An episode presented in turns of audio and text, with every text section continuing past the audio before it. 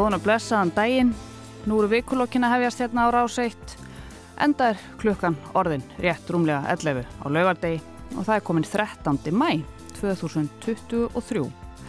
Ég heiti Sunna Valgerðardóttir og hef umsjón með þættunum í dag og við höfum komið okkur hérna hugulega fyrir í hljóðveri nr. 6 í efsta leiti nr. 1 í Reykjavík. Ég og Kári Guðmundsson, tæknimaður og erum svo sannarlega ekki einn hér til þess að fara yfir helstu málvikunar sem eru meðal annars Rísavaksinn fundur helstu þjóðar leðtoga Evrópu sem verður haldinn hérna í Reykjavík í byrjun næstu viku kvalveiðar Íslendinga og svo auðvitað Eurovision en viðmælendur vikulokkana í dag þetta er fólk með marga hatta og langar ferilskrár og laungn upp líka hefst nú lesturinn. Þórdís Kolbrún Reykjörð Gilvadóttir, utaríkisráþara og varaformaður sjálfstæðisflokksins, fyrverandi ráþara ferðamála, yðnaðar, nýsköpunar, dómsmála og þróunarsamvinnu. Heiða Kristín Helgadóttir, núverandi aðstóðarmadur, eða pólitískur ráðgjafi, Þorgerðar Katrínar Gunnarsdóttir, formans viðrestnar. Heiða Kristín er líka fyrirrandi pólitíkurs og fiskútflytjandi. Hún er eitt stopnanda bestaflokksins en hún er verðandi framkvæmdarstjóri íslenska sjáarklassans. Og Jóhannes Þór Skúlason, hann er framkvæmdarstjóri samtaka ferðarþjónustunar. Hann er fyrirverandi aðstóðarmadur og pólitískur aðgjafi, forsættisráþrans og formannsins Sigmundar Davíðs Gunnlaugssonar. Jóhannes er líka kennari, hann er sakfræðingur og hann er síðast en ekki síst Eurovision nörd. Verið velkomin. Takk fyrir. Takk fyrir, þetta var rosalega lestur. Já, það er bara þáttur um búin. bara heil. En mér langar að byrja á þessum leiðtóa fundi sem að verður hérna í Reykjavík næstu viku á þriðu daginn og það er nú aldeilis búið að fjalla töluvert um hann í fréttum og þá kannski svona aðalega þetta mikla umfang sem Mhm. er í kringumann og þetta eru svona miklar þjónustufréttir Mhm. uh, hvar götur verða lokaðar, það verður traffík á Reykjanesbrautinni, það má ekki vera á hlaupahjólum eða rafmakshjólum, það má ekki fljúa drónum og alls konar svo leiðis en góð ástæða til, það eru hérna á þriði daginn og vantanlega byrjaðu að koma á mánudaginn mörg hundru manns, erlendir gestir, þetta eru þjóðar leðtogar Evrópu og auðvitað fylgjendur þeirra, það er fjölmjölafólk sem er að fara að koma, það eru löggur og þetta er alltaf, þau eru alltaf að koma á svona svipum tíma til okkar litla lands, mikið af merkilegu fólki. E, Þórdís, ertu farin að, að velta fyrir þér eða hugsa, oh, við höfum ekki átt að halda þetta hérna, þetta er alltaf stórt. Nei, ég er eiginlega orðin bara reyngarlega spennt fyrir þessum tveimur dögum. Uh, hjá mér er þetta þrýrdara þegar líka þingmenn úr Evrópu ráðin að koma og það er á mánudaginn og tek þátt í því þar líka. En þrýrdarum ykkur aðal dagarnir það sem að allt þetta fólk er að koma. Og ég hlakka mjög til vegna þess að þetta er fundur sem ég held hann verði sögulegur og ég held að til hans verði vísað uh, um langa framtíð. Við erum búin að undirbúin þannig að það verða, verður alvöru útkoma út úr þessum fundi, frá þessum fundi sem eru auðvitað aðalatrið uh, að það sé ærin ástæða til þess að hittast og vonandi er þetta ástand sem við erum í núna ástand þar sem að við svona fyrir en síðar komumst aftur á rétt aðri braut um, en ég veit ekki hvort að það er staðan eða hvort þetta verður verða ára en þetta verður betra. Og eiginlega hvor raunveruleikin sem verður þá er það gríðarlega mikilvægt að allir þessir þjóðar leiðtóar sem er þá bara, þetta er náttúrulega aðsta vald í hverju landi fyrir sig sem er að koma og er að skuldbinda sig til þess að standa vörðum þessi gildi sem að við hér á Íslandi hefum allt undir að séu ofan á og séu leiðin sem verði valinn og farinn og passað upp á. Uh, fundurinn snýst náttúrulega mjög miklu leiti um Úkrænu. Það er bæði þessi tjónaskrá sem hefur rætt um. Hvað Eh, tjónaskrá? Tjónaskrá, þetta snýst í raun um það að, að útbúa skrá og halda utanum öll alvarleg tjón og alvarleg uh, meðsli uh, fólks í Úkrænu af hendi rúsa.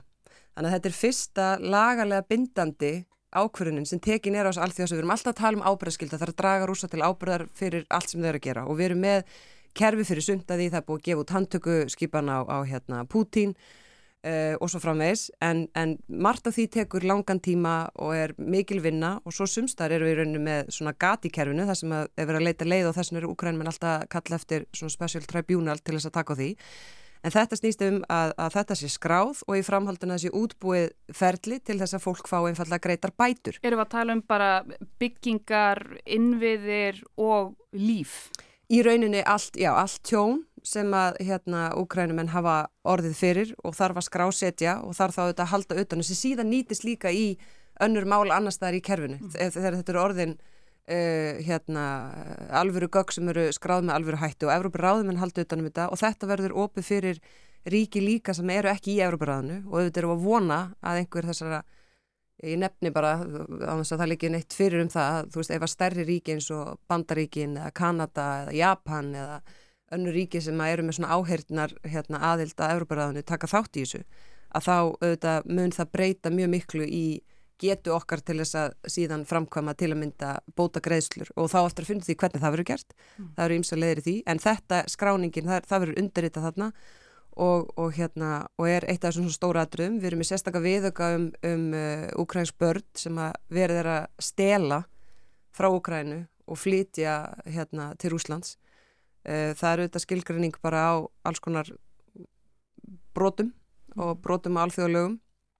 Uh, og Evrópuráðið er mjög mikilvæg stopnu, þetta er stopnu sem var búin til 1949, stopnu þá og, og við erum aðalar 1950, þannig við erum búin að vera aðni allan að tíma. Og, og við erum í forsvari núna við erum í formönsku núna, þannig að ég er í raun formaður áþarar ásins uh, þannig að við erum með hérna, fórsetastólinn þar, má segja. Og þess vegna er það bara tilviljun í rauninni að við erum í formönsku núna, það er bara því við erum þar í stafrásöðinni en, en uh, þessi hugmynd kom upp hvort að væri komið tími til að halda leittófund sem hefur ekki verið haldin síðan í, í Varsjá 2004 Er þetta í fyrsta sinn síðan 2004? Já, sem, sem haldin leittófundur og hann hefur bara, þetta er bara fjórði, fjórða skipti sem það er gert. Þannig að það endur spekla líka ég, þú veist, alvarlega stöðu Uh, því að við værum, það, það, er, það, er, það er ástæðan fyrir því að, að verið er að kalla til fundar og kalla alla þessa leiðtóa á, á þennan fund til þess að fá þessa skuldbindingum að við ætlum að gera allt sem við getum til þess að, að standa vörðum þessi gildi fyrir Úkrænu, fyrir hérna, alla Evrópubúa uh, og þar með bara fyrir uh, okkur öll. Mm.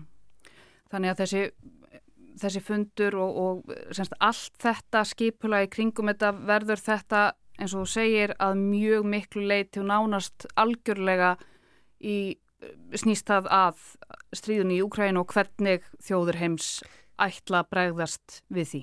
Já og í raun sko, ég menn eins og til dæmis yfirlýsingin, þessi hérna svo kallar Reykjavík Declaration sem að ég vona að verði til dæmis yfirlýsing sem verður vísað í og notuð uh, um langa framtíð að hún, hún, hún náttúrulega er, sko, hún er ekki öll um Úkrænu en hún er, það, það kemur þar fram, en hún er í raun um, sko, um þessi gildi sem þetta verður að vega að mm. og ráðast á uh, í stríðinu. Þannig að þegar við erum að fjalla um afhverjutu mikilvægt, hvað er það sem þarf að passa upp á, að þá, þá ertu alltaf með til hliðar eða inn í stöðuna í Úkrænu vegna þess að þar er verið að þver brjóta allt sem að ríkin skuldbundi sig til þess að, að standa vörðum mm. og rússar eru ekki lengur í ráðinu, uh, þeir voru í, í raunreknir um, bara snemma í, í ferlinu og, og svo hlakka ég líka til að halda svona fund vegna þess að ég vona svo innilega ekkert kemur upp á og það eru þetta margt sem getur komið upp á mm. og sumt að því er í okkar höndum og annað kannski síður að Íslendingar getur verið stoltir af því að, að við getum haldið svona fund og við séum í stöðu til að halda svona fund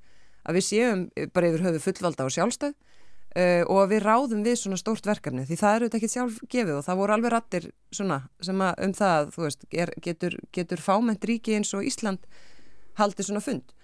Og, og það er algjörlega aðdánuvert að fylgjast með uh, þannig að það bara allt, allt mitt ráðanett er algjörlega undir í þessu, það er alveg sama hvað fólk er með á borðinu sínu almennt, það eru bara allir með þetta verkefni núna og í öðrum ráðanitum og í kerfinu öllu, ég menna ríkislörglustjóru og lörglu embættin, alltaf bara, all, bara mikil meirhultu lörglu fólks sem tekur þátt í þessu verkefni og það eru allir, það er ótrúlega mikil svona liðseild og fólk vil gera þetta vel, það vil hérna standa sig og, og fundurinn takist vel og, og ég menna að fylgjast með hérna þessu fólki vinna dag og nótt sko uh, allt, allt skipulegið álæði er á þeim sko, mm. þótt, þótt það sé þó það sé líka hérna, koma að því á, á þessum teimu dögum að, að þú veist við Katrin erum í okkar hlutverki en, en þetta fólk er fólki sem er að mm. gera hann að fund sko, láta hann að fund vera veruleika og, og vinnur bara ótrúlegt starf. Getur þú sagt okkur svona aðeins bara stuttlega frá því hvað var til þess að þessi ákvörðum að tekina haldan hér að mm -hmm. svona fyrir utan það að við erum núna með formennskuna? Vegna þess að það eru náttúrulega, það er ekkert endilega sjálfgefið að, að halda fundin hér þó að Nei, formennskan sé hér. Alls ekki og þetta, sko þessi umræða... Sóttumst við eftir því eða voru við beðin um það? Við svona eða... auðmjúklega sögðumst vera meira en tilbúin til þess að gera það ef að það væri viljið til þess að halda fund að þá myndu við bara e, með miklu stolti og, og hérna, auðmygt vera tilbúin að gera það. E, hugmyndin sprattnur svolítið hérna upp úr myndinu segja Evrópið þingið fjallaðum þetta og þar eru við með þingmennis og Þórildur Sunnu og, og Birgi Þóransson og Bjarnar Jónsson uh, og það var svona uh, umræðum það hvort það væri komin tími til að halda fund út af öllu sem er í gangi, út af öllu sem hefði gerst það væri langt síðan síðast og, og það þyrti svona svolítið endurvekja og svona draga saman uh, leðtoga og, og svona fá þessa skuldbindingu og segja, herðu, hvað eru við stödd og hvað ætlum við að gera? Sagt, já, eins og þú sagðir, næstu 20 ár síðan já. síðasti fundu var haldið svona fundi. Já, og það er mjög langur tími og ég held að þessi fundir verði, þessi fundir núna verði tölvört öðru sér heldur en sá, hann verði svona umfangsmeiri og, og, og, hérna, og svona starri. Eh, þannig að Evrópi þingið sem að hérna, starfar uh, út í Strasburg líka, það, þessi svona vilji kom þar fram og svo er þetta mikil, mikið samtal, Írar voru undan okkur og það var umræða hvort að þeir myndu halda fundin, um, lettar taka við af okkur hvort að, hvort að þetta væri rétti tímin en svo var líka ákveðin svona andrumslofti, ég myndi að segja var ákveðin stemming líka fyrir því að það er þið haldi á Íslandi, menn Ísland er með sínu sögu um, um hérna, fyrrum fundi sem að hafa skipt máli í sögunni. Um, við, Ísland er fris, frisalasta landi í, heimi uh, eða hér er örgast að vera. Uh, og það eru svona þannig að ymsum fannst að passa að það væri á Íslandi Um, og, og, og við svona vorum ekki aggressífi því að, að pressa á það að nýrði haldinn hér en við svona unnum að því að það væri öllum ljóst að við gætum það, við værum tilbúin, það væri heiður að gera það af því að við trúðum því að það skipti máli og, og svona létum vita af þeim vilja okkar þannig að mm. já, það er svona þannig að þetta, mm. þetta kom til Höldum okkur við þennan fund Já, mér heyrst þú bara að vera... Ertu peppið fyrir honum, hefða Kristín? Mér heyrst Þórtís bara að vera að lýsa því hérna, að við séum þá kannski lóksins tilbúin líka til að halda Eurovision allir. Það er ekki niðurstaðan í þessu allir saman. Það er rosa fín æfi til að halda Eurovision. Það er ekki svona Eurovision stjórnmáluna. Það getur haldið svona fund að getur að halda Eurovision. Það er ekki. Nei, en mér heyrst hérna, mér heyrst bara áhugavert að heyra þetta vegna þess að sko uh, eins og ég er náttúrulega mikill stuðningsmaður alþjóðað samvinnu og hérna unnarslegt að heyra utan að gísra á þeirra og varaforman sjálfstæðisflokksins lýsa hérna um, þessu svona, já, alþjóða kerfi sem við viljum vera þáttakandur í. Auðvitað um, hef ég haft þá skoðun lengi að við eigum að ganga þá lengra og eiga sæti við þetta borð vegna þess að það er mikilvægt og okkar rödd er mikilvægt í því, hérna, e, því samhengi út frá öllum þessum þáttum sem þú nefnir. En mér er líka svona svo fyndi hvernig við erum oft og veist, er svo mikið líslendingur líka sko að veist, mér finnst öll frétt á umfjöldunum þetta hafa verið eitthvað svona hvað áhrif hefur þetta á mig mm. og ég bý inn á þessu svæði sem er lokað og það er eitthvað svona, veist, það verður ekkert tröfla mig og ég bara, þú veist, mjög ákvæðu gagvart þessu en það er eitthvað svona, ég hef aldrei heyrt eitthvað meira um hvað þessi fundur snýr Hvað á talum hann? Já, þannig að hérna, uh, mér finnst það bara mjög hérna áhugavert og ég hafði til dæmis ekki heyrt þetta að vera 20 ár síðan að svona fundur væri haldin þannig að hérna ég er bara jákvæði garð þessa um, í e, öllum skilningi en svona Þú, þetta, þú ert ekki mótfallin þessum fundi. Alls ekki mótfallin honum en eins og ég segi, ég vekk ekki svona veit þessu kannski miklu aðtegli um hvað þetta snýst nákvæmlega ég skal bara alveg vikið það sko.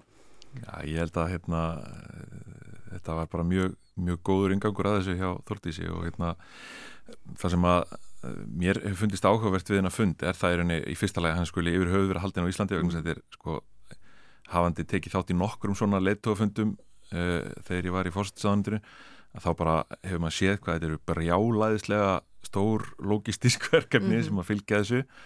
En líka það bara hvað þetta er óbáslega mikilvægt vegna þess að sko við tölum um þetta um og bara svona til þess að aðeins að kannski, þú veist, setja þetta á einhvern mannamál hvað er raun og vera að gerast þarna sko. Að þú veist, þarna eru þjóðarleituar heims að hittast, þeir hittast ekkert á hverjum degi. -hmm. og hérna, Európa ráðið er eh, eins og Þórti saði, mjög mikilvægt apparat, þetta er þetta er hérna e, vettvangurinn sem að heldur utanum Európusáttmála um mannréttindi e, heldur utanum e, mannréttindómstól Evrópu og fjöldan allar af sáttmálum sem að snúa að vernd líðræðis e, hérna e, og, og brota gegn mannréttindum á einsar máta.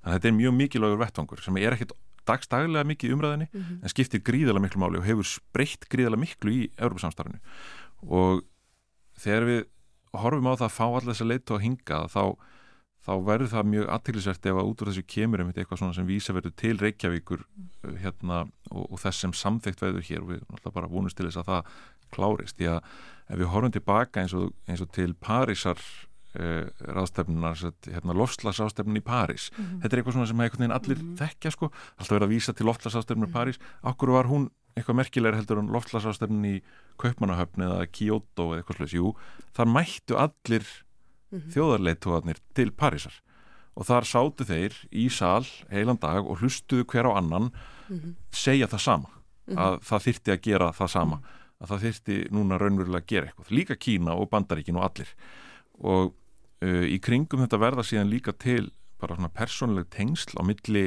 bæði þjóðleitona en ekki síður bara fólksinn sem er Teimana. að bara teimisins þeirra sem er að vinna saman á sama level, ráðunettistjórana eh, aðstofa fólksins og svo framvegis sem að síðan nýtast í áfram allþjóða samskipti sem ganga óbúslega mikið út af þessi persónuleg tengsl, þannig að ég er mjög ánað með að þessi fundur skulle vera haldin hérna, mér finnst það algjörlega frábært og ég held að það hafi verið löngu tímabært að halda funda á vegum Euróbrásins mm -hmm. e, vegna þess að það hefur bara svo óbúðslega margt gerst í líðræði og mannréttindamálum e, í Európu og heiminum frá 2045 sko, það mm -hmm. er bara er görbært staða. Mm -hmm. Já, þó að við myndum taka Úkrænu út fyrir sög Já, og það sé alveg tekið út fyrir sög sko. hérna, ég held að þetta sé virkilega tímabært og, og það mun skipta máli. Stundu getur maður spurt sko einmitt, eh, hérna, það eina sem skiptir okkur máli hérna í þessu er einhverjar göttulókanir og, og ég get ekki flóið drónanum mínum og get ég verið á hoppjólunum mínu hvar og eitthvað svona. Það er rauninni svo ótal margt við hennan fund sem mun skipta okkur íslendinga máli bara varðandi það sem verður að fjalla um þarna mm -hmm. þannig að Útskýru það eins nána Ég bara, það að þjóðarleituar hittist á Íslandi það vekur líka bara aðtikli þessara þjóðarleitua á því að hér sé Eh, líraði samfélag sem að leggur áherslu á mannréttindi mm -hmm. eins og fórstsáðara og útrækningsáðara og fleiri í stjórnkerfinu hafa verið að gera í hérna alþjóðasamstarfinu bara nánast í hverja einustu ræð og hverja einusta fundi en þetta keirir heim eh, beint inn í hérna upplifun þessara þjóðuleitua um alla Európu hvaða er raunin sem við stöndum fyrir og hvernig samfélag það er sem við búum í hérna mm -hmm. það er mjög mikilvægt skilabóð mm -hmm. vegna þess að við finnum fyrir því líka þegar að þegar við förum hérna e, til dæmis og bara, svo ég vísi aftur í mínu reynslu sko, að fara á allt sér að þing saminu þjóðana til dæmis og e, á fundi sem að e, svona hliðarfundi sem að snúast um, um hérna jafnbreytismál mm. ég held að fólk almennt gerir sér ekki grein fyrir því, það vita allir að Ísland er mjög framilega jafnbreytismál með heiminum en ég held að gerir, fólk gerir sér enga grein fyrir því hvers konar rokkstjarnar Ísland er mm. í jafnbreytismálum með heiminum þegar komið er á þennan efsta svona leittóavettvang og, og þannig að við höfum heilmikil áhrif og, og hérna þannig að þetta bæði vekur uh, upp svona meiri vitund hjá þjóðleitum heims um það hva, hvað Íslands samfélag er fyrir hvaða stendur en líka það að, að fyrir bara Ísland og, og hérna samfélagið að við skulum vera alvöru þáttakendur á þessu sviði er gríðilega mikilvægt vegna þess að mm. það er ekkert örugt að það verði alltaf rosalega mikið öryggi á Íslandi og við verðum aldrei þáttakendur í einum svona alvöru milliríkja deilum og vesinni og þá þurfum við bara einfallega að vera búin að koma okkar ár vel fyrir borð sko. Þetta er eh, algjörlega hárið sko að það hérna, stundum hugsa ég að, að það væri rosalega mikilvægt að við áttum okkur á því að við erum ekki bara einhver hljóðlátur sætisfélagi þarna sem að einhvern veginn engin hlustar á og engin lítur til sko. veist, við höfum trúveruleika í mörgum málum sem við tjáum okkur um mm. uh, vegna þess hvernig við höfum okkur hefur tekist að byggja upp okkar samfélag hérna heima og jafnbryttsmál eru dæmum það. Og í raun það sem að Evrópi ráði snýstum veist, þau mannréttindi og réttindi einstaklingsbundu réttindi uh, og þessi gildi við höfum ákveðin trúverleikaðar og, og við höfum eitthvað að segja. Og þess vegna, þess vegna er það ekki þannig að, að, að það skipti ekki máli hvort að við sko, tökum afstöðu, segjum hlutuna upphátt, mætum veist, þekkjum þessa kollega, getum tekið upp tólið, veist, bæði fyrir okkar hagsmunni hér en ekki síður bara sem þjóð meðal þjóða. Veist, það, það, það, það er einhvers virði og það, er, og fylgja því ekki bara réttindi að vera fullvalda og sjálfstað þjóð. Því, því fylgja líka skildur og hérna fyrir utan það síðan að, að fá alla þessa þjóðleitu og hingað að þá í leiðinni, eins og Jóhannes nefnir, þá fáður svona þenna, þessa tilfinningu fyrir samfélaginu hér, þetta er auðvitað stuttu tími en, en þau munu þó ganga hennum, hálf tómorkund eh, í Reykjavík.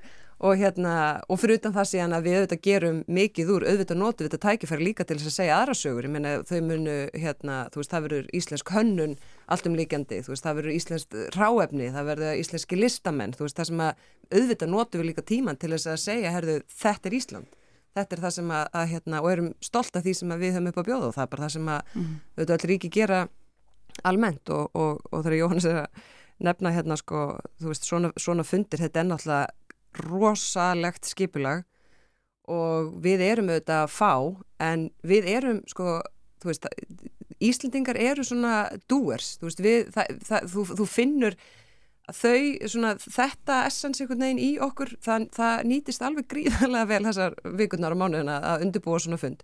Bóðleginir eru stuttar, það er auðvelt að taka ákvarðanir, það er allir til í að vinna saman, veist, allar sem eru standa ykkur ákvörðun sem sitja við hérna, eitt borð, við getum svona gengi í verkin, það ganga allir í öll störf.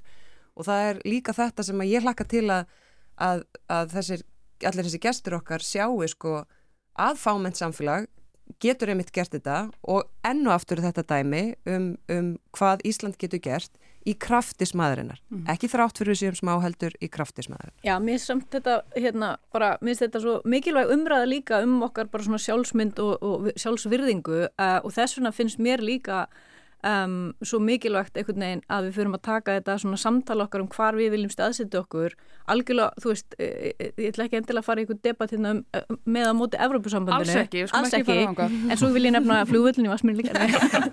Nei, en hérna Orkupakkan um, og bókun 30 en, en mér finnst þetta samt svona, og ég held að sé líka bara svona, þú veist, uh, þú veist ég held að sé að verða um, einhver ákveðin svona kynnslóðskipti líka í samfélaginu, það sem að Um, það sem að kannski svona einhver mál sem við höfum ekki geta talað um af einhverju ákveðinu svona hreinskipti eh, eru bara aftur að fara að koma upp á pallborðið vonandi aðeins með öðru svona sjónarhóttni og allt sem að þið eruð að nefna í þessu veist, eh, hérna varðandi það hvar við ætlum að staðsita okkur og að vera þjóða meðal þjóða veist, fyrir mér er enda takmarki þar að við veist, gungum alla leiðin í Evrópusambandið uh, vegna þess að þar er, þar er okkar hagsmunir og þar sannarlega getum við haft mjög sterka rödd og einmitt út frá þessum þáttum vegna þess að okkur hefur tekið smart mjög gott til dæmis eins og okkar sjálfbæru veiðar sem er eitthvað sem að eh, við, þar sem við höfum eitthvað verulega mikið fram að færa uh, og við erum að uh, skada þá ímynd aðið til til dæmis með kvalveðum en það er næsta umræða.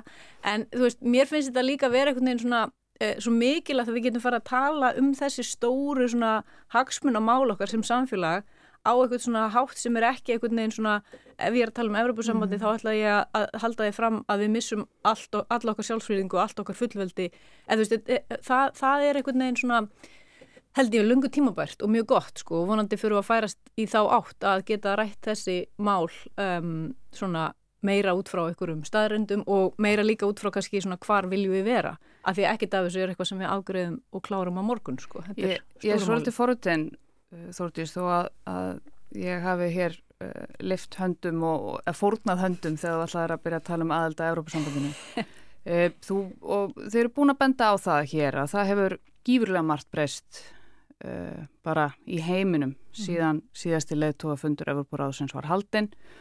Um, Þórtís, þú ert núna búin að vera auðtækisráð þeirra í hvað lengi? Eitt og hálft ár. Eitt og hálft ár. Mm -hmm. Við vitum alveg held ég flest hver svona ofinbér afstæða eða svona formlega afstæða sjálfstæðisflokksins er gagvert Európa-sambandinu uh, Ert þú þar bara staðförst að, að Íslandi ekki að ganga í ESB? Já, ég er þeirra skoðunar að, að okkar heildarhagsmunum sé betur borgið í gegnum EES-samningin og í þétt og nánu mm. samstarfi við uh, Európa-sambandið og það er nú kannski svona eh, nokkru þættir sem spila þar inn í eins og hérna varðandi okkar rétt og stjórn einmitt á okkar ágæta uh, kerfi um, um hérna fiskveðar, stjórnfiskveða uh, gjaldmila mál sem er alltaf fyrir mörgum er það eiginlega kannski aðalástaðan fyrir að vilja ganga í Európa-sambandið Uh, á meðan að ég myndi nú svona segja að það þurfti að, að hérna, greina það mjög vel sko, hvaða áhrif hefði það við stýrum því ekki sjálf vegna þess að, að þar eru þá svona stóru kraftarnir sem myndu ráða för og við erum ekki almennt alveg í takt við það bara út frá okkar smæð, út frá hérna, því hvernig okkar efnahags eh, eða okkar hagkerfi er og svo framvegs Um, og svo bara því að, að hérna, við auðvitað erum fámenn og myndum svona kannski hlutfastlega ekki ráða miklu. Uh, hins vegar er svo umræða hér snýst alltaf um Evrópu þingið en auðvitað í þessum, ég menn eins og það sem að auðvitað hittast þá er auðvitað bara eitt sæta á mann sko, það er ekki í hlutfalli og það er það sem að kannski ákvarðanir eru teknar. En ég hef alveg, og ég get alveg sagt það og bara ekki feiminu það í, hérna, fyrir fimmur sko, ég hef lagt mig fram um að vinna þjætt með uh, bæði auðvitað kollegum sem að eiga sæti við það borð en líka bara Evrópussambandinu og þeim svona stjórnendum og yfirmönnum þar vegna þess að, að það skiptir máli að það sé skilningur þarna milli, að það sé sko eins og Jóhannes nefndi, þessi svona persónlegu tengsla, þessi bara að taka upp tólið og ringja og það hefur nú alveg reynd á það. Og líka, líka er ég ekki tveimið það, ég meni ég vil að Evrópussambandinu gangi vel það er, það er ekki hagsmunamál fyrir Íslanda eitthvað neginn Evrópumál sér í skrúinu mm. hjá Evrópusambandinu. Það er bara hérna sameiglur uh, ávinningur okkar og, og fyrir mér er bara staðan hér er bara allt öðru vísi. Ég meina þegar þú horfir á til dæmis Evrópuríki, Austur Evrópu og af hverju Evrópusambandi er þeim mikilvægt.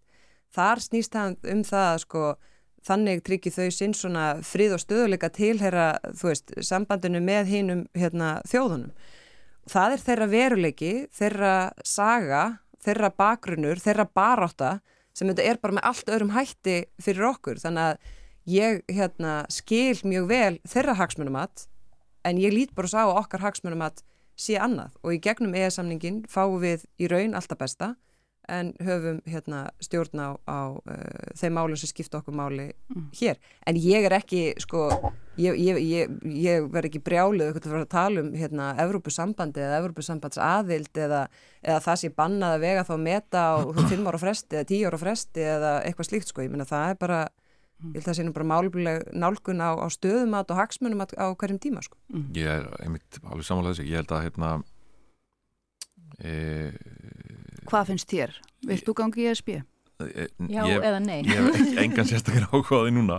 Ég, ég er, er samanlega þórtið sem það akkurat eins og staðan er núna þá held ég að hafa ekki beinlýnins verið leist úr neitt, það hefur ekkert sérstaklega mikið breyst í þessu svona kannski þessum grundallar hagsmunamálum okkar eins og með sjáurútvegin og hvernig skuli leist úr því öllu saman og þú veist það er svona alls konar svona hluti sem að þyrti bara að setjast niður og ræða mjög grundíkt við Europasambandið en minn alltaf að fara að taka viðræðar aftur og byrja þá sko á erfið málunum sko. Nei, ekki tala um hinmáli fjögur ára og geima á stæstu Nei, það er svona, það er aðferð sem mér fannst alltaf pínu skrítin en ég held hins vegar að það sé eh, jafn hliða mjög mikilvægt að við séum ekki bara búin að ákveða, heyrðu, þetta er bara aldrei kostur sko þetta er bara aldrei góð hugmynd ég held að eigum við mitt eins og, og heiða segir að sko hérna að þú veist bara vera ofin fyrir því að meta þetta hérna reglulega og, og, ekkert vera útilokan eitt mm -hmm.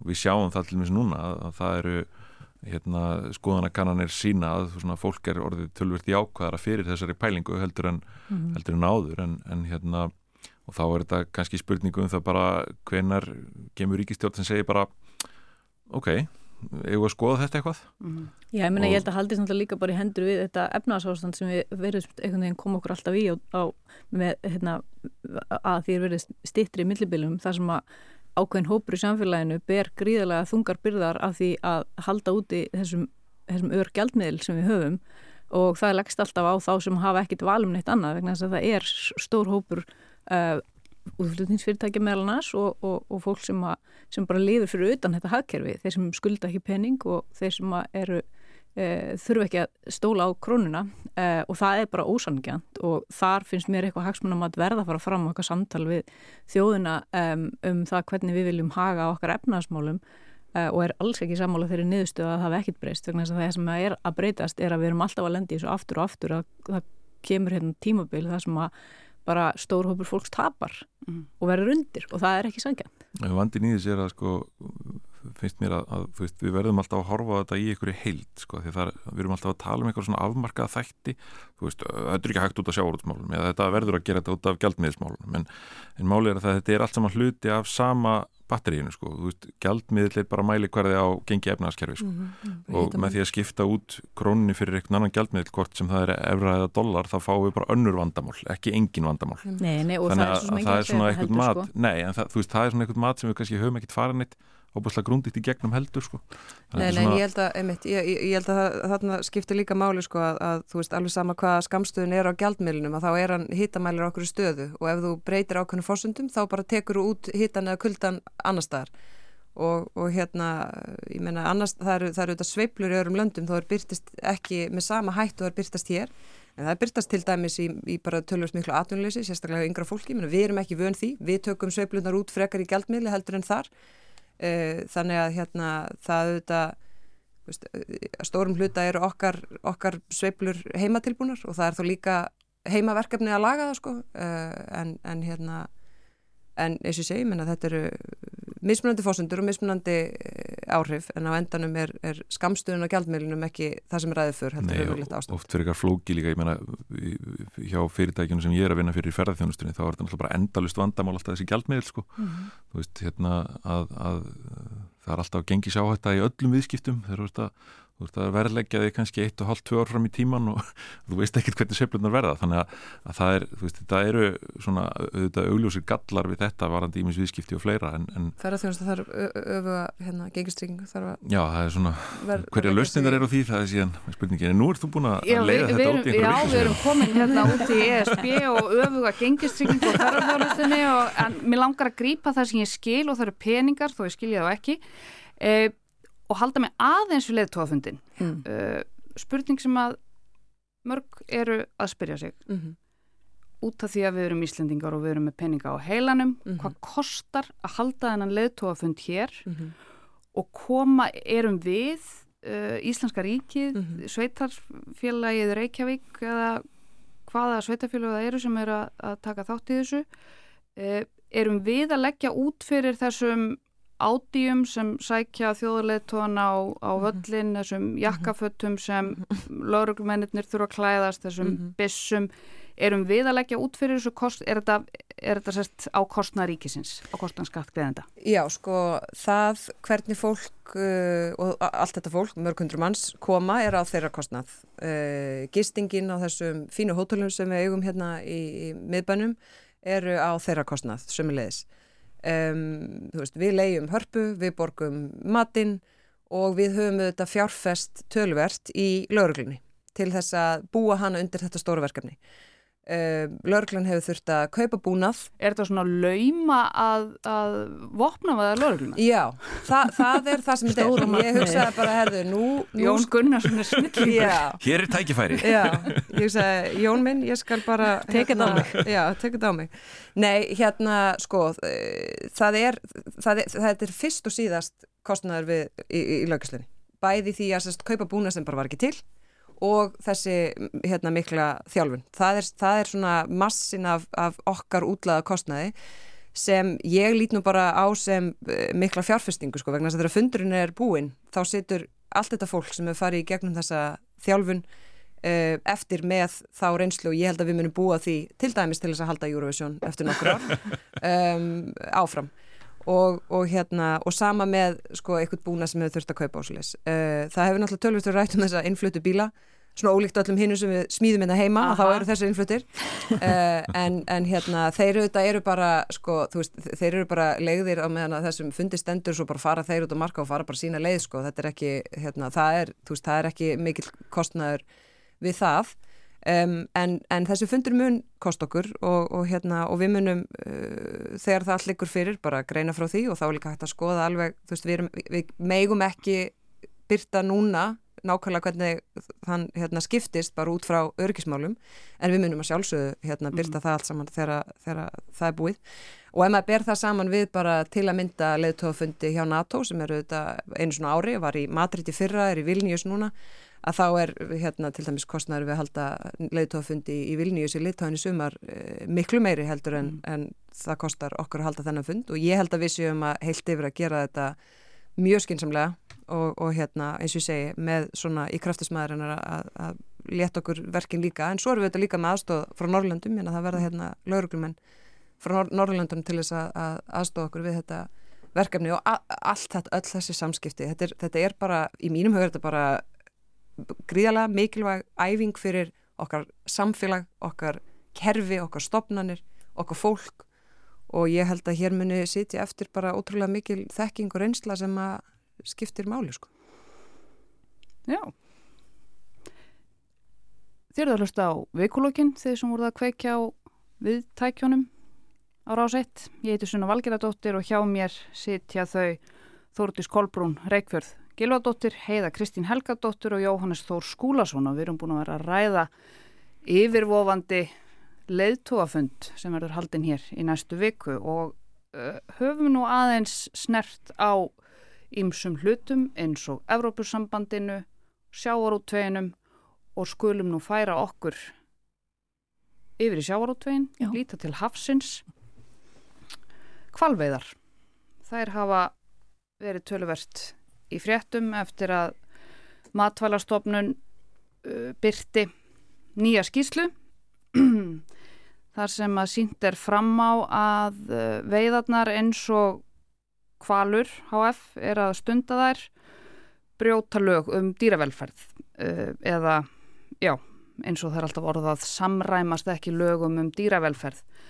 En það verður samt ekki verið einn önnur eða betri leið til þess að veiða þessi stóru dýr.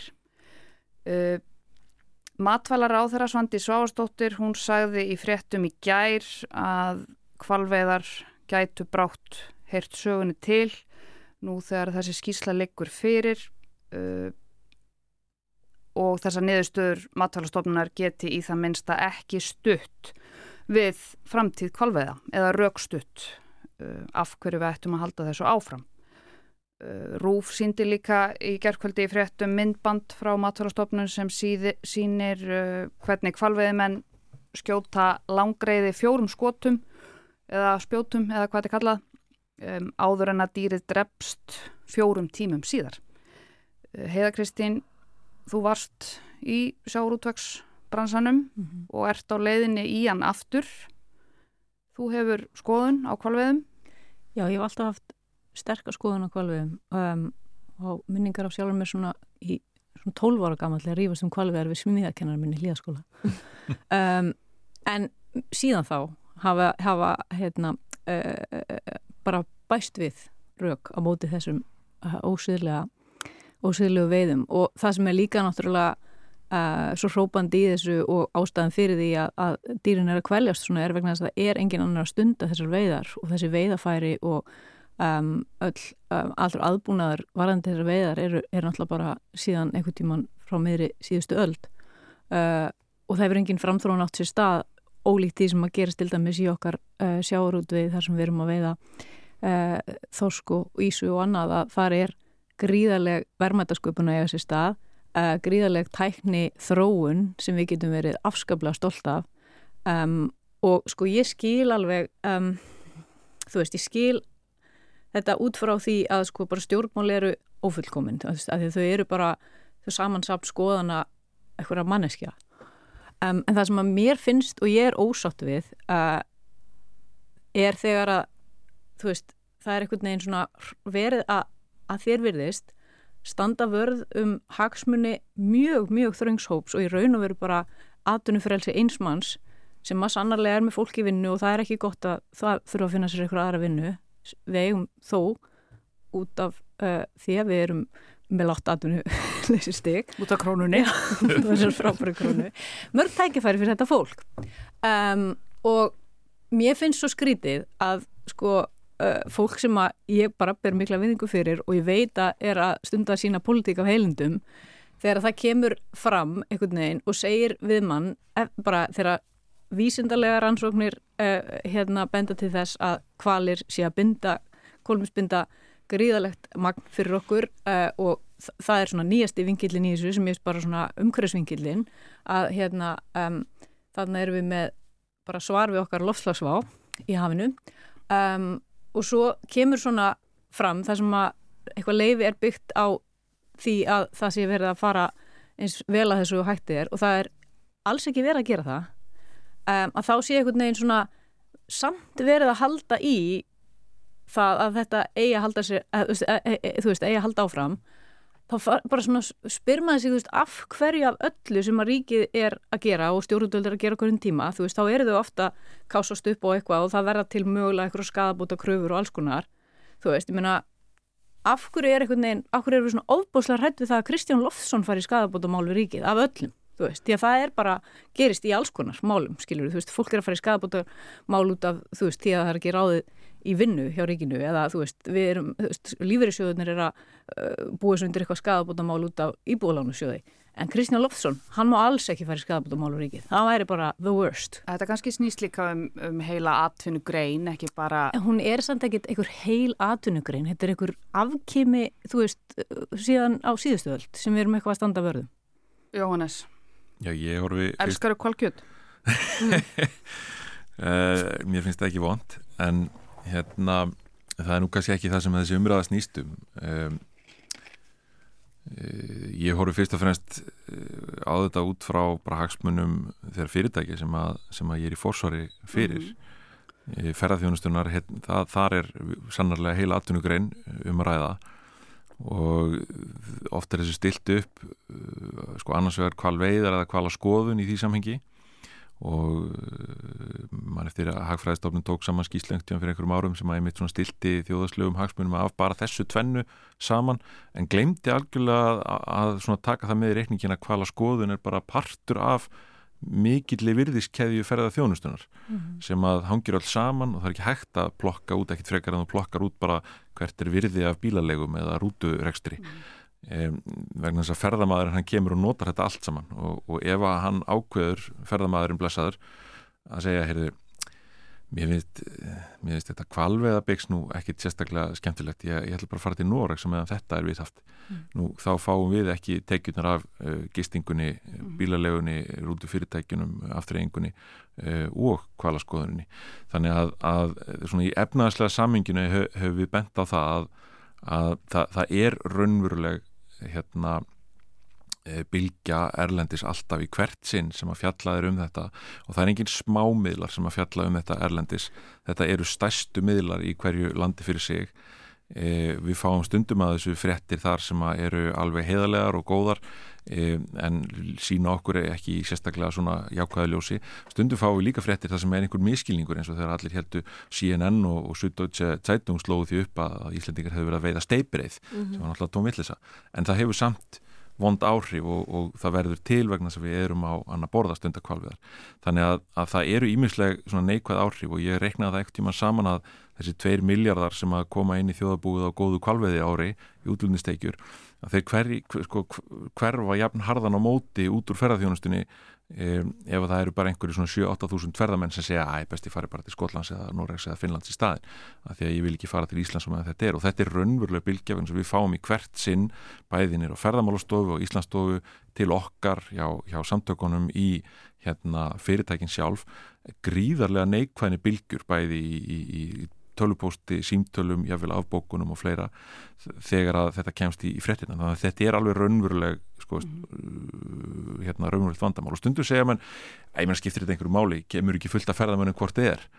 Jújú, jú, það kemur fullt af ferðamönnum sem hefur engan sérstakann áhuga á þessu kvalviði máli en það er ekki það sem þetta snýst um vegna þess að Að, að í þessu efnaðslega tilliti þá erum við hvort þið er þá að cancela þetta út mögulega en stóra málið sem við erum að horfa á í þessu líka er síðan það við erum að vinna í því hér í ferðarþjónastunni og, og í samvinnum við stjórnvöld og búin að vera í fjölda ára núna að byggja upp uh, sögu, þá sögu sem við viljum segja af uh, landi og þjóð á erlendu vettvangi sem af Íslandi sem áfangastað. Og það gengur út á uh, sjálfbæra umgengni um náttúru um hérna það hvernig hægt er að koma hingað og upplifa Ísland hérna bæði náttúru og sjá dýralíf og, og annað. Og kvalveiði sagan, hún bara samræmist að okkar mati ekki þessari mynd sem við viljum senda út í, í veraldina til þess að að hérna auka hér uh, virði íslenskar ferðarþjónustu og, hérna... og það er að sama um sjáurúturinn líka sjáurúturinn hefur líka lendi í vandraðum með sína markaði.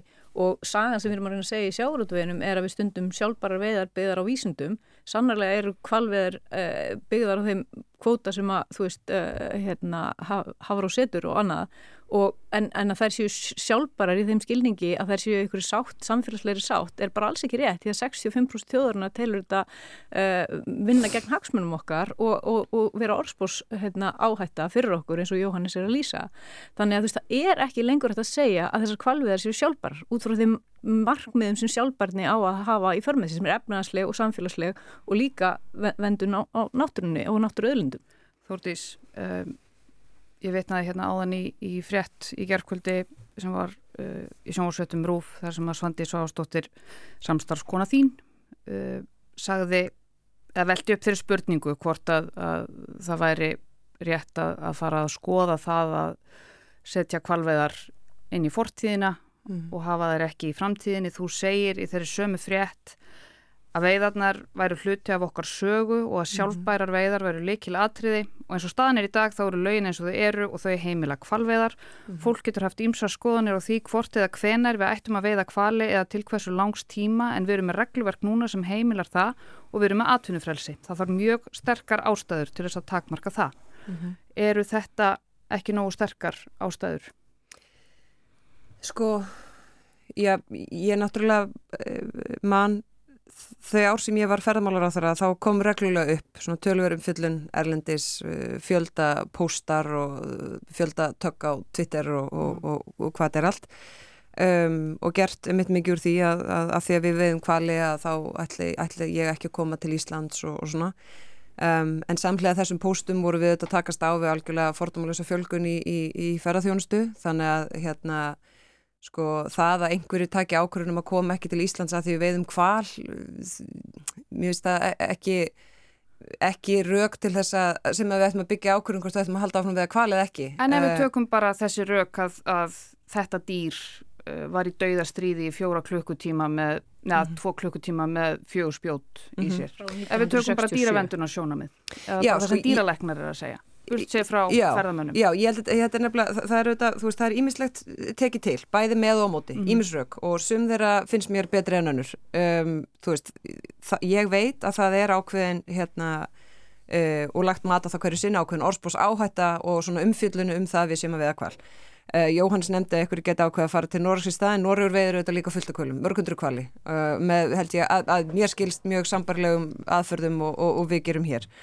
Um, sko við erum auðvitað með hérna fiskveistjórnarkerfi og markaði hér að sem við seljum okkar afurðir bara á frekar góðum verðum uh, og verðist ekki hafa hérna ykkur, ykkur teljandi áhrif þar á þótt ég ger mér alveg grein fyrir því að það getur verið í ykkurum, ykkurum sölum og samskiptum uh, bent á það sumulegis og en ef við ætlum að tala um sem sko uh, sjálfberðni í því kerfa því það er ekki samfélagslega sátt um kvalveðar að þá hérna uh, auðvitað eru við líka að glíma við það að, að, að það er mjög deilt á um okkar fiskveið stjórnuna kerfi í samfélaginu og, ekki, og, og ég myndi segja að við ættum verka að vinna í að koma á betri samfélagslega sátt um það kerfi, fiskveið stjórnuna kerfið en það breytir því ekki að það er húrandi sjálfbært og það er í raun best rekna kerfi sem við þekkjum til ef við byrjum okkur saman með önnu ríki þannig að, þannig að sjálfbærnin í því uh, er til staðar. Mér finnst í mínum huga finnst það sem ég hef skipt um máli er að þetta er ákvörðun sem að við hér heima höfum fullar rétt á að taka sjálf. Og mér bara mikilvægt að, það, að halda því til haga. Það er okkar sjálfsákvörðun réttur hvernig við nýtum okkar öðlindir uh, við erum auðvitað ekki að veiða hérna kvali sem er í útrymingahættu sem er stundum umfullunin úti að við séum að, að, að gera það. Auðvita eiga þeir sem að stunda þessa veiðar að fylgja settum lögum og reglum. Það er hérna og ég sá ekki betur en í tilkynningunum frá Masta það kom fram að hafi, þau, þau lög hafi ekki verið brotin um, þessar, þessar aðferðir, ég menna þetta eru auðvitað risa eh, skeppnur og auðvitað væri tölvert betra fyrir, fyrir það dýr að, að hérna, almennt digði eitt skot og, og, hérna, og ég veist, ég get ekki lagt mat í bara, þú sér bara seg, það sem stendur í, í skýslinu og það er ákveðin hérna, tekið út að það sé í mörgu tilfellum ekki þannig. Og ég segi bara að hérna, auðvitað og fylgja þeim reglum sem við setjum fyrir mér er þetta einfallega ekki mikið, þetta er ekki tilfinningamál, hvorki með eða móti. Uh, mér finnst bara skipta máli að, að, að, er, að þetta er okkar hérna, uh, réttur, þetta eru veiðar sem eru byggðar á ákveðnum hérna, leifum, þessi leifi eru gildi, það er hins vegar ekki á mínu borði að ákveða þá hvort að það verði áfram eða ekki. Og svo þarf að vega þá að meta efnahagslega hvort að það sé lógist fyrir Ísland að halda áfram að vega kvali, eftirspurnin eftir hérna kjötunu og að sjálfsögðu áhrif á aðra geira en heilt yfir náttúrulega byggju við rétt fólks til þess að stunda atvinnuregstur sko við mælum hann ekki út frá áhrifum á aðra geira uh, en það fer það ekkit alltaf saman. Þannig að hérna ég segi bara auðvitað að fylgja lögum og, og, og, og reglum um, en, en, en ég, það er ekki þannig að, að hérna, ég skammist mér stórkuslega fyrir það að Ísland sé að veða kval og það, það er ekki þetta að gera lítur því að þetta eru þetta hlut af okkar sögu og við, og við gerum þetta byggt á, á hérna e, vísundum og, og, og ákveðnum e, leifum. Ætlið að bjóða upp á kval á leituafundurum? Nei, reyndar ekki. Það hefði nú verið tólta áhugaverð svona gestaþraut, gestasýning að gera það. Það er ávísun á millir í geinsident. Einmitt, það, það er þið. En það er svona eitt með þetta með þessa sögu. Þetta er ekkert einhver lang saga. Við hefum okkur langa sögu af fiskveðum hérna, en kvalur er ekki eitthvað sem við höfum verið að veiða um aldur og æfi, sko. Nýtilkomið ef við horstum á það. Og það er heldur ekki rétt að sannarlega er ágreiningur um hérna, uh, eða þú veist, það er þessi blessað sátt í sjávarútvi er alltaf til umræði en það snýst ekki að fiskveðistjórna kerfinu. Við hefum okkur frábært fiskveðistjórnarkerfi snýst um hvernig er hérna, farið með arðina þeirri öðlind og, og það er alltaf umræða Eurovision. Já, tökum það upp léttara hjál Varstu bjóst Varstu hissa þegar Diljá komst ekki áfram? Því miður þá verði ég að segja nei, ég var ekki hissa. Það eru ímsar ástæði fyrir því, það hefur ekkert að gera með það hvernig Diljá stóð sig, hún stóð sig frábærlega. Eh, mér finnst aðtriðið vel uppsett, eh, það var allt við það bara mjög gott að ég hefði gert að vilja sjá framann í Diljá oftar í, í myndvinslunni en ná mér í kontakt við, við áhöröndur í gegnum myndavillina en, en hún stóð sig frábærlega vel og, og hérna mér finnst líka mjög gaman að sjá eftir á hvað hún var einhvern veginn bara sátt við sína hérna sína þáttöku og, það er bara frábært að sjá það því að það skiptir líka máli hefur nú ekki þjóðin hefur nú ekki alltaf farið einhverjum ljúfum höndum um, um þáttakandur þegar þeir koma tilbaka og það skiptir máli að við gerum það fólk sem er að fara á svona vettvang fyrir okkur það, þetta er svakalega pressa, rosalega lærdomskurva og hérna þetta er einstæsta sjónvars útsendingi í heimi sko, og hérna þannig að, að þetta er ekkit smáverkefni að fara í þetta en við áttum bara bæði og fá að vinni í þessum riðli og svona já, greinlega vindunum stóð ekki í seglinn hjá okkur í ár Það var engin vindvel í úr Nei, það var, það var mjög leðilegt Það lágur á svo margir á sko. gólfinu. Já, þetta var, þetta, það bættist nokkra nýja reglur í, í drikkjuleikin í kvöld. Það er, það er sko bleikfött er augljóssopi keppandi liggur í gólfinu keppandi er í stuttbuksum Já, það, það, svona, tók, já, það var líka já, mikil, öskur líka Báðir aðal stuttbúsnumærinni komast reyndir ekki áfram en hérna, þetta er, já, þetta er það, það er mjög áhugavert hvað er mikil bleiksveibla það var eitt árið hérna var, var mjög svona, svona blá og, og, og bleik lýsing einhvern veginn mjög mikið á eiginlega bara öðrum hverju manni. Silfraðar paljettur og gullpaljettur annað árið mjög, þetta finnir hvernig þetta einhvern veginn svona hérna, það taka allir sömu ákvarðanar sko, misfundi stöðum í Európu hérna á sama árinu. Þannig að, nei, en þetta er Hvernig, hvernig finnst þér laugin í ár? E, þau eru eins og alltaf bæði góð og slæm. Já, en svona heilt yfir. Heilt Er þetta, yfir, þetta góð kefni, er þetta með kefni? Ég er alveg hrifin að þessu svona, svona segja, helmingnum. En svo er, til og með setni riðilin á fymtudaginn, mér fannst hann bara ekki góður. Og þess vegna var alltaf ennþá sárar að við skildum ekki komast upp mm. sko og, en það hafði bara lítið með gæði lagan að gera, það voru bara alls konar aðri þættir sem að voru þar að hafa áhrif En það er rampólitísk kefni? Þetta er náttúrulega ram, sko, menn segja að það er engin pólitík í júrusin, þetta er náttúrulega bara rampólitísk kefni mm, Hún er búin til átt, sko. út upp úr því Já. og hún er bara pólitíkin Þannig að það er svolítið þannig og það er svolítið gaman að sjá líka hvernig hérna til dæmis króatarnir sko byggu til í rauninni alveg nýtt koncept. Þeir eru með sko pólitískustu skilabóð sem ég hef séð á þessu sviði en eru samt einhvern veginn ekki með einn pólitísk skilabóð þetta er einhvern skil þarna- sem að ég hef ekki séð áður. Var þarna ham grínararnir, þarna spöggstofan Já, það, það eru, það að eru um mamma stu, þeir sem Já, eru í, í hérna, innræðisherra Já, já, já. búningunum Mhm. og hérna, Já, sem komur svo stóra myndir af andlutunum. já, Já, þannig að hérna að þetta er þetta er hérna, ég, ég finn alltaf fyrir því ég þarf alltaf stundum að aðeins að svona, ég ger alltaf ráð fyrir að allir viti allt sem ég er að tala um. En það er vist ekki þannig. En hérna, nei en þetta er ég held að verði mjög skemmtilegt Þetta er svona eins og að hlusta á tungumál sem maður er svona aðeins farin að læra en maður Já, kann það ekki nóg samt en maður læri samhenginu. Svo svona týnir maður aðeins en svo nær maður Ég, ég er alveg átt sko, ég veit ekkert sko, ég fór náttúrulega á Bruce Springsteen tónleika fyrir tveim vikum síðan og það er eini lifandi flutningurinn sem ég vil ræða. Já, Þannig að getum við tekið annan klukkutíma í það. Já, við, Ég er hér með myndbönd. getum við farið aðeins yfir í Það, Ég ætla að leifa bara Jóhannesi að, að eiga þessi loka orð Mm. um Eurovision. Eitt örstuðt, ætlaði að horfa í kvöld, já eða nei? Næn Nei, sko, að því að ég er án.